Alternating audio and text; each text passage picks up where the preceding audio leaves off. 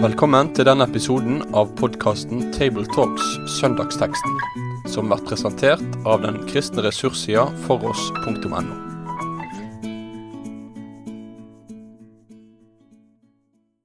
Da er det en glede å ønske velkommen til en ny episode med Table Talks fra Bergen. Rundt bordet her sitter som vanlig Delk-prest Jon Magne Sønstadbø, Rolf Kjøde, som er leder for strategisk utvikling ved NLA-høgskolen, og meg sjøl, Tarjei Gilje, som er redaktør i Dagen.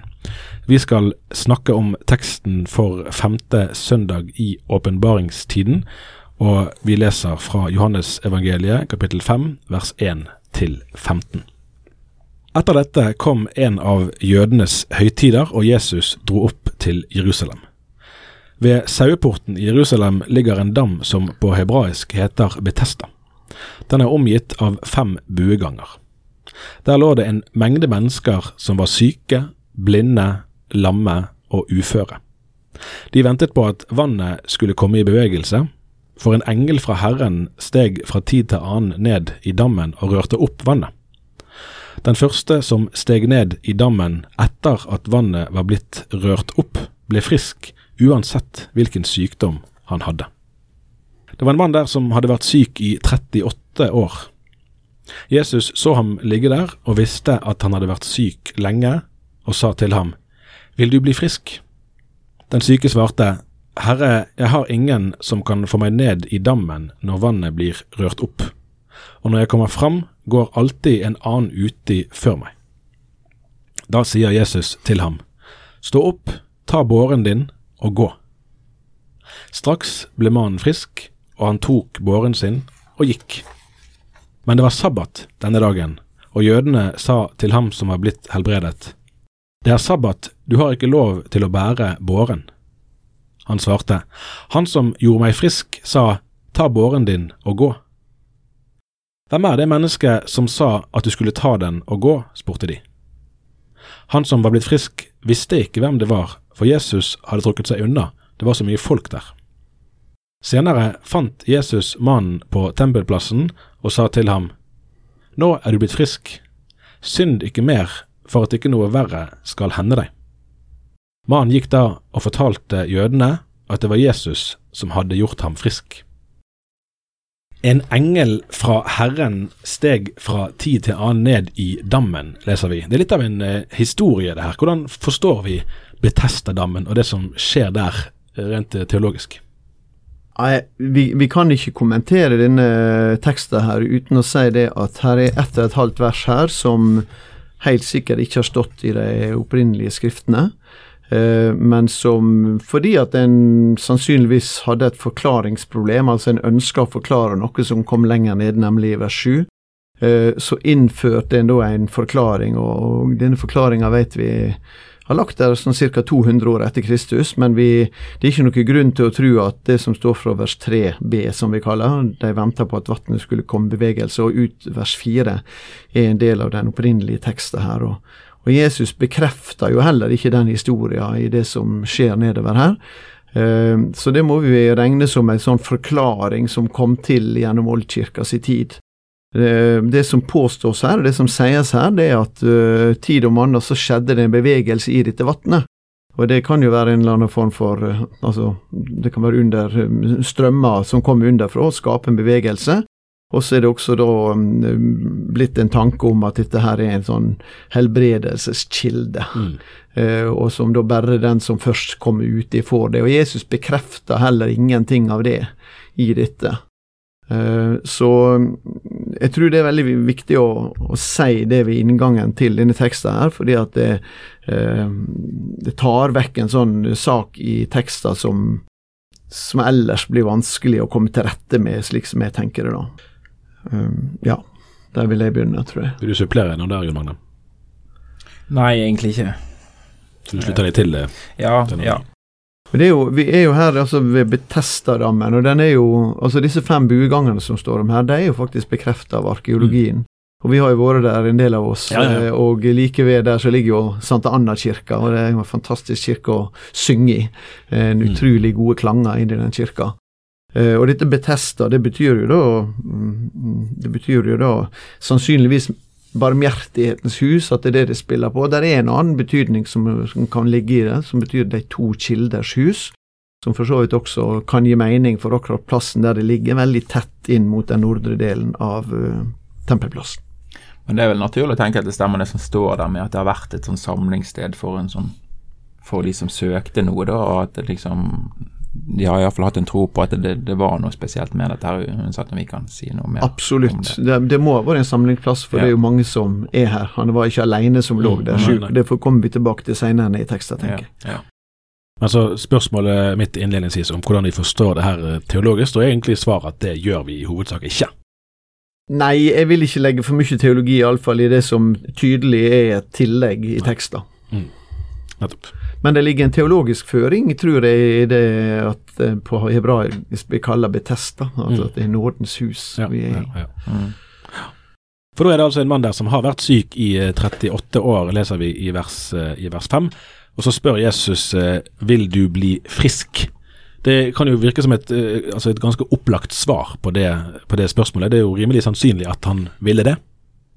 Ja, det er jo det. Jeg tenker jo dette spørsmålet ligger, det ligger, Altså Når jeg leser det, så tenker jeg Jesus spør han vil du ha hjelp, tenker jeg. Eh, at det er på en måte ikke for å under, liksom understreke du har det vanskelig eller eh, sette han i forlegenheter, men at men vil du bli frisk, trenger du hjelp? Og så svarer han jo dette her veldig såre, det at jeg har ingen mm. til å hjelpe meg. Mm. Og der får du på en måte avdekket det som er denne mannens problem, at han har ingen hjelp, verken fra mennesker eller fra Gud, sånn som han ser det, som, som kan gi han en redning eller en løsning i, i denne situasjonen som, som, han er i. da. Og har på en måte da nærmest gitt opp, men han er jo der fremdeles. Ja. Eh, kanskje han ikke kommer seg derfra. Mm. Og er bundet, eller det er, det er et eller annet ja, smertefullt i de ordene som han sier. Kanskje lå ikke de der primært for å bli frisk, har jeg tenkt. Mm, ja. eh, fordi at tid om anna så skjedde det noe nede i vannet der som de kunne tolke som en engel som rørte det opp. Tid om anna, ja, men her samler det seg en mengde, står det, av sjuke, vannføre, blinde lammer. Eh, på denne plassen som kanskje da har symbolikk, eller som har symbolikken i seg om dette med nådens hus. Mm. Eh, og kanskje, kanskje var de like mye tiggere, ja. egentlig. Kanskje var dette plassen på en måte for livsoppholdelse. Ja. Og det danner noe av bakgrunnen for at Jesus kom. Og så tenker jeg også at um, ja, men det er ikke det er egentlig ganske respektfullt av Jesus, da. Kanskje noen av de som driver med Og når vi sjøl eh, tilbyr eh, Eh, forbønn i helbredelsens sammenheng i vår tid, og kanskje de som driver med det enda mer pågående pågående aktivt enn meg sjøl, eh, så er det en del som hadde tenkt å lære av Jesus ja. og stille spørsmål før en buser fram. Mm. For det er noe med respekten for mennesker. Jesus sier jo en annen plass 'Hva vil du jeg skal gjøre for deg?' Det var jo mm. opplagt for alle hva, hva han måtte ville. Ja. Men da får, får han lov til å si i den sammenhengen 'Herre, gi meg synet'.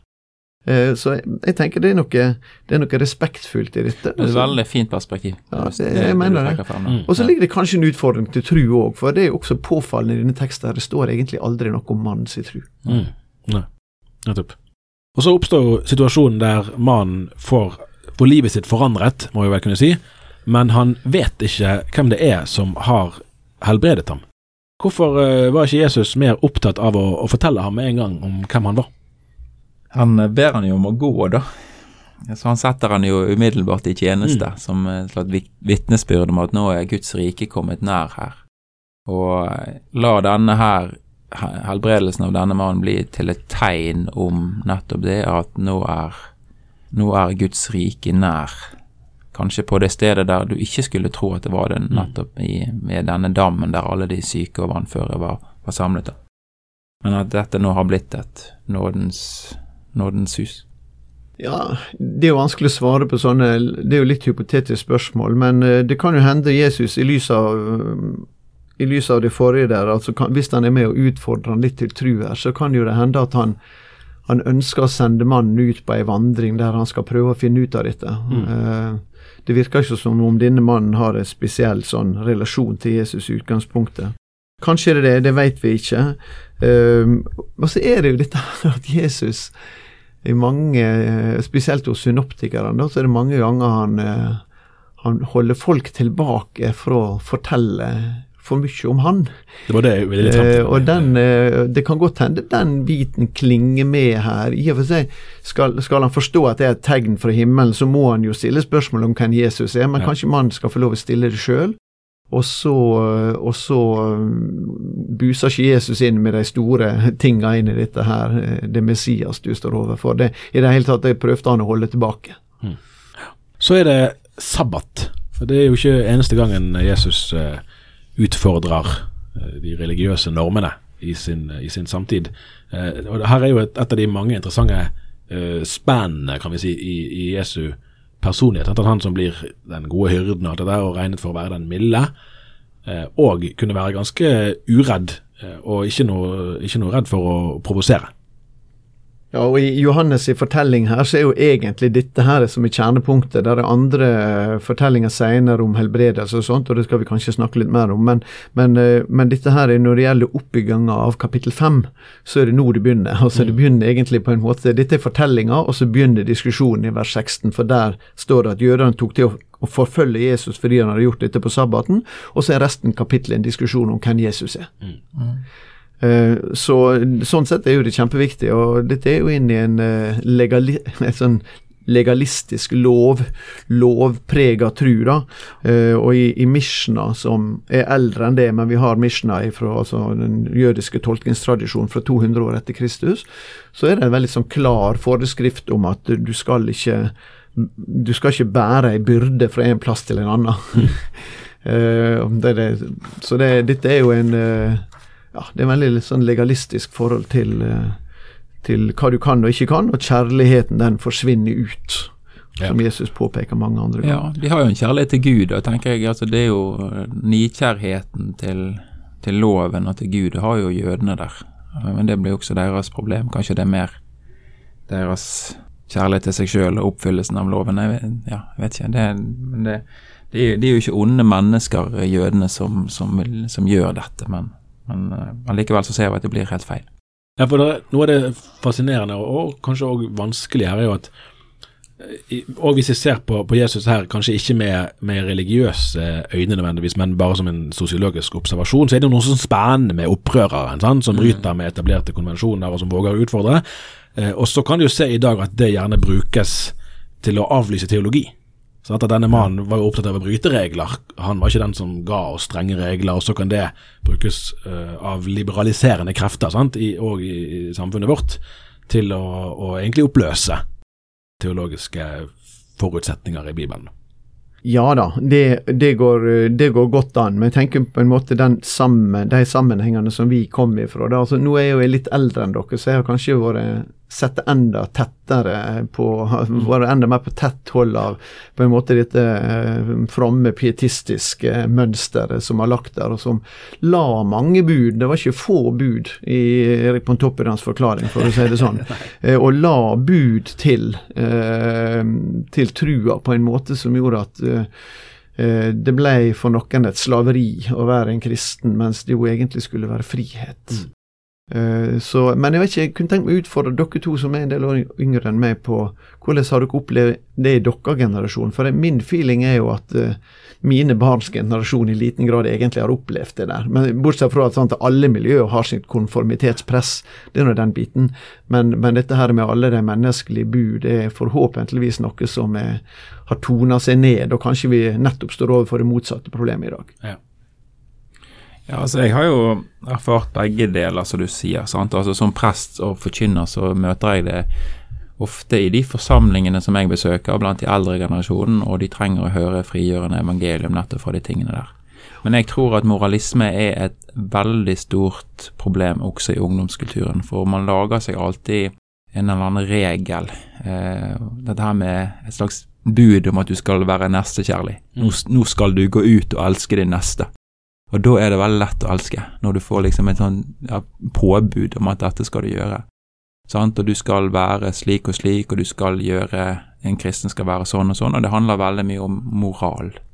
Så moralisme er et kjempestort problem. Og det, det, er jo det sosiologene også finner når de driver forskning på kristne ungdoms ungdomsforsamlinger at den moralistiske kristendommen, eller ikke kristendommen, moralismen som, som religion, den er veldig sterk.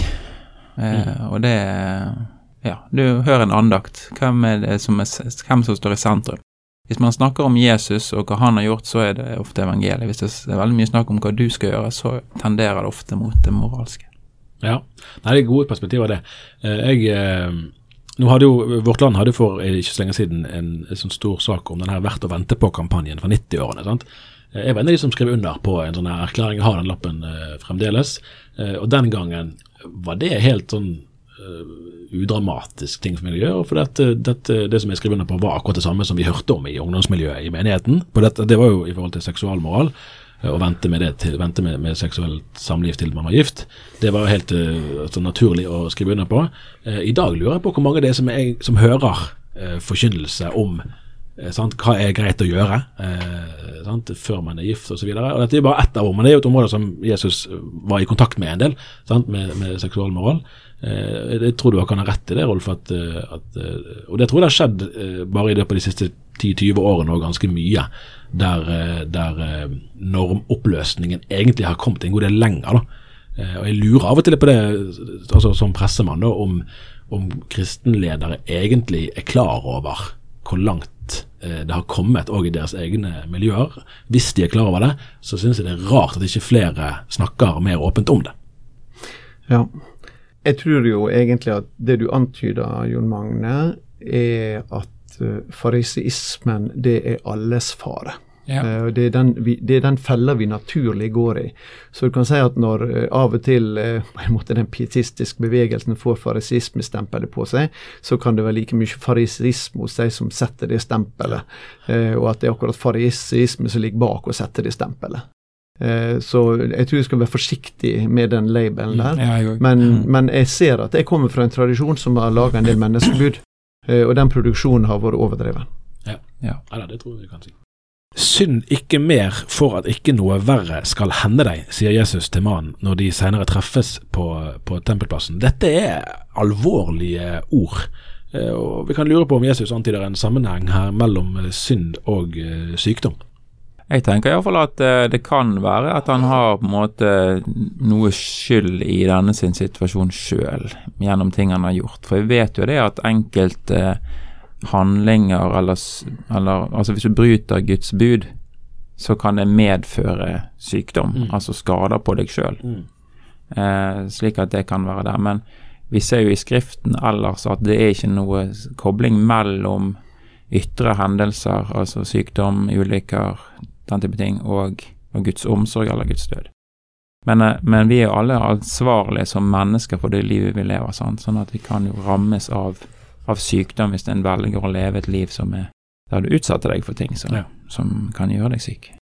Jeg vil nok være veldig forsiktig i ditt område her. Altså, Johannes 9 tar jo opp igjen eh, den tematikken og går mer inn i den tematikken med den blindfødte, og Jesus avviser denne sammenhengen Akkurat. mellom, mellom sykdom og synd. Ja. Uh, enda vi vet at naturligvis kan vår dårlige oppførsel føre til det negative også for helsa vår, det vet vi jo. Men her er det en mann som har vært syk i 38 år, og med den type helse så levde jeg nok ikke opp i snittalderen på den tida, som knapt nok var 50 år.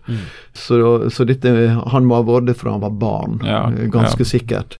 Så jeg, eh, så jeg tenker det at det Jesus snakker om her, at det er litt av tegnfunksjonen, tror jeg, i det som Jesus har gjort her.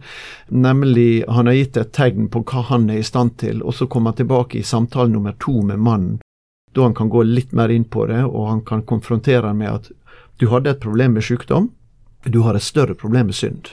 Mm.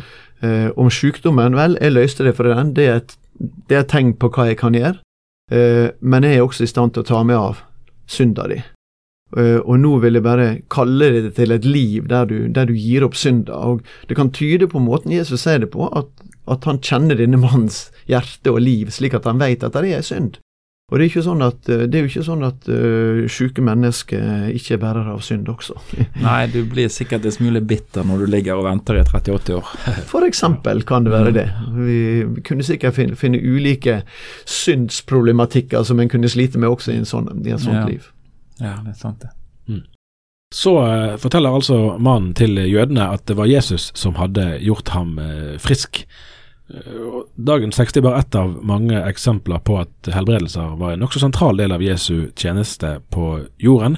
Eh, I dag er det mange kristne som eh, lengter etter flere slike tegn eller mirakler også i, eh, i vår tid.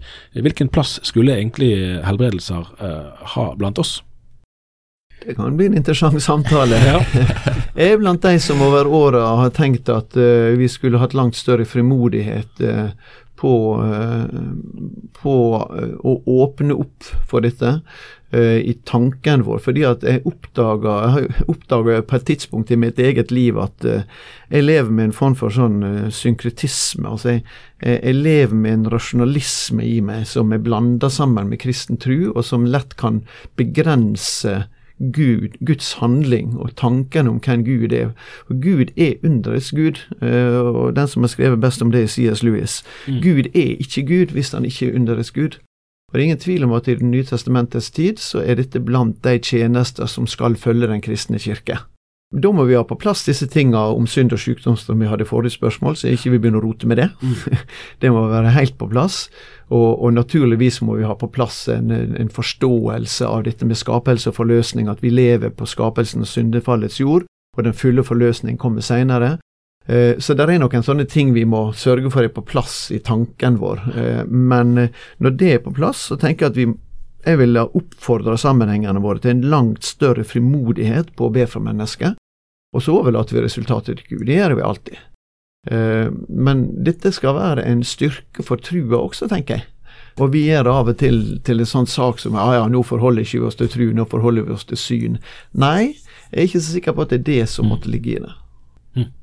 Ja, har jeg mye å si. Um, ja, nei, jeg vil si, understreke det som, som Rolf sa, svarte på i sted, også dette her med at menneskets hovedproblem er jo det synden, og at du faktisk er under Guds dom. Eh, sant? Og at nettopp derfor det er evangeliet som er det nødvendige, at mennesket trenger å, å høre det og tro det. Og det er også sånn som når Jesus svarer døperen Johannes, sant? at evangeliet forkynnes for fattige. Det er faktisk et, også et mirakel. Eh, og da må evangeliet forkynnes til fattige eh, gis ut. Så tenker jeg Når det gjelder dette med, med helbredelser i vår sammenheng, så tror jeg det skjer mer enn en gjerne er klar over også. Vi får vel i Jakobsbrevet en veiledning om hvordan vi skal praktisere det. Og Der tror jeg folk skal være mer frimodige på at en kan praktisere det hjemme, eh, eller i, i, mer i det skjulte. Eh, og så også ha forventning om at ting kan skje i det skjulte. Men jeg tror ikke det skal være på en scene, og det skal ikke være et show. Fordi at eh, Jesus advarer også veldig klart mot det at noe av Satans løgn, både i Tessalonika-brevet og i Matteus 24, så går Satan frem med tegn og under. Så hvis en bruker det som en sånn markør, så er en, en, en, litt ute. Men for all del, vær frimodig på dette med å salve og be for syke, de som har den, den funksjonen der. sant? Eh, så er det knyttet løfter til det. Og det kan eh, også være med på å styrke troen til de som måtte havner i, i, i den situasjonen. Og så er det også noe, dette her med at du kan gjøre folk friske på andre måter også. Eh, Det er en helbredelse, selv om det tar litt lengre tid. Mm. Altså, diakonalt arbeid har i seg en helbredende kraft. Mm. Bare se på der evangeliet går frem mange steder i verden. Sant? Hvordan eh, Der følges de gode gjerningene følger evangeliets forkynnelse, og det forandrer samfunnet. Sant? Så hvis du vil være et mirakel i hverdagen, så gå ut og, og gjør eh, Vær en god neste. Så har du på en måte Gjør du dette tegnet. Ja, Til ordet mirakel så er jeg helt enig at det er mye mer fortrulig med den. Gå, gå og vær et mirakel. Og jeg er så, og jeg er helt enig med Jon Magne her at, at eh, jeg er ikke opptatt av at vi skal søke mirakelet, for det blir gjerne en dyrking av mirakelet. Men eh, vi, skal, vi skal være Guds rikes tegn. Så tegnet, som jo Johannes er veldig opptatt av, Ja, det er ja. veldig opptatt av at Mm. vi også skal være. Uh, og, og i det evige Guds rike, der er det bare helse. Og vi skal på en måte utøve en tjeneste i vår verden, enten det er gjennom diakoni eller gjennom forbønn. Det kan være det eldstes forbønn, ledernes forbønn, eller det kan også være nådegavenes forbønn. Så skal vi utøve en tjeneste som, som åpner opp for Guds inngrep uh, som tegn i vår virkelighet, på den, på den virkeligheten som skal stige fram. Og så er jeg også for så vidt enig i at uh, dette er ikke primært en sak for scenen. Jeg vil ikke ha det på scenen heller, egentlig i det hele tatt, akkurat sånn som du sier. Jeg vil nok ikke være så redd for å be folk fram i et møte eller inn til en forbønn, eh, men, men, men ikke sånn i offentligheten ellers. Jeg, jeg tenker, men det jeg tenker er helt nødvendig i menighetene våre, og nå snakker jeg på vegne av de menighetstypene som jeg er mest fortrolig med, det er at vi i langt større grad synliggjør og forteller menigheten om det. Mm. At dette er en tjeneste som er aktiv iblant oss. Eh, og ha, har dere sykdom, så skal det være naturlig å bære det fram i smågrupper. Det skal være naturlig å gå til de eldste i menigheten. Der skal til enhver tid være noen i menigheten som har oljeflasker klart å be for dere. Og Kanskje er vi også så heldige i menigheten vår at vi har noen som har har helbredelsens nådegave. Og da skal vi bruke det aktivt. Så den synliggjøringa tenker jeg at vi må gjøre av det. Og så skal utførelsen primært være i eh, sjelesorgens, eller i under de få øynes eh, rom, da. Kan være jeg nevnt det før her, men jeg, intervjuet uh, Børre Knutsen første gang for det var da jeg var i militæret, husker nesten 20 år siden nå. Eh, og Da snakket han om, eh, om, eh, om den tematikken her, og sa at dette skjedde jo med Jesus sant, og de første apostlene og alt dette. Det var i eh, evangeliets hvetebrødsdager, sa han. At det var en sånn spesiell dynamikk, mente han, som, som eh, var aktuell eh, der. Og det kan jo kanskje brukes som en forklaring på, på noe av, av at dette ikke er like hyppig forekommende nå. I hvert fall syns jeg det er interessant det med tegnaspektet, da. at for Jeg har jo et visst anlegg for bekymring, tror jeg. Og da kan, man, kan jeg lure av og til på i våre dager om vi kan stå litt i fare for å bli litt sånne mirakeljegere, som egentlig er i en ganske sekularisert kontekst, sant? og egentlig har mye en privatisert eh, åndelighet, men vil gjerne ha eh, bevisene. Vi vil gjerne ha de mirakuløse tegnene. Og så lurer jeg på hvor langt er vi unna å være rammet av at det er en ond og vantro slekt som krever tegn. Eh, sånn at vi vil på en måte, Hvis vi skal si det litt sånn hardt, da, at vi vil ikke tro, men vi vil gjerne ha bevis. Eh, og Da er vi et godt stykke unna Ja. det som Ja, er den bibelske liksom, dynamikken. da, i Ja. det. Eh, sant? Og, og da ender du egentlig opp i en, kan ende opp i en ganske sterk sånn loviskhet. Sant? At eh, vi jakter på mirakler, for vi skal se gjerningene. Eh, sant? Mens, mens eh, den barnlige troen i hjertet eh, kan ha mer utfordrende kår. da. Så det er nå òg et, eh, et aspekt. Nei, skal vi si det sånn for i dag? Det er vi. Ja. Vi sier det sånn. Takk for at du hørte på. Med det sier vi takk for følget for denne gang. Finn flere ressurser, og vær gjerne med å støtte oss på foross.no.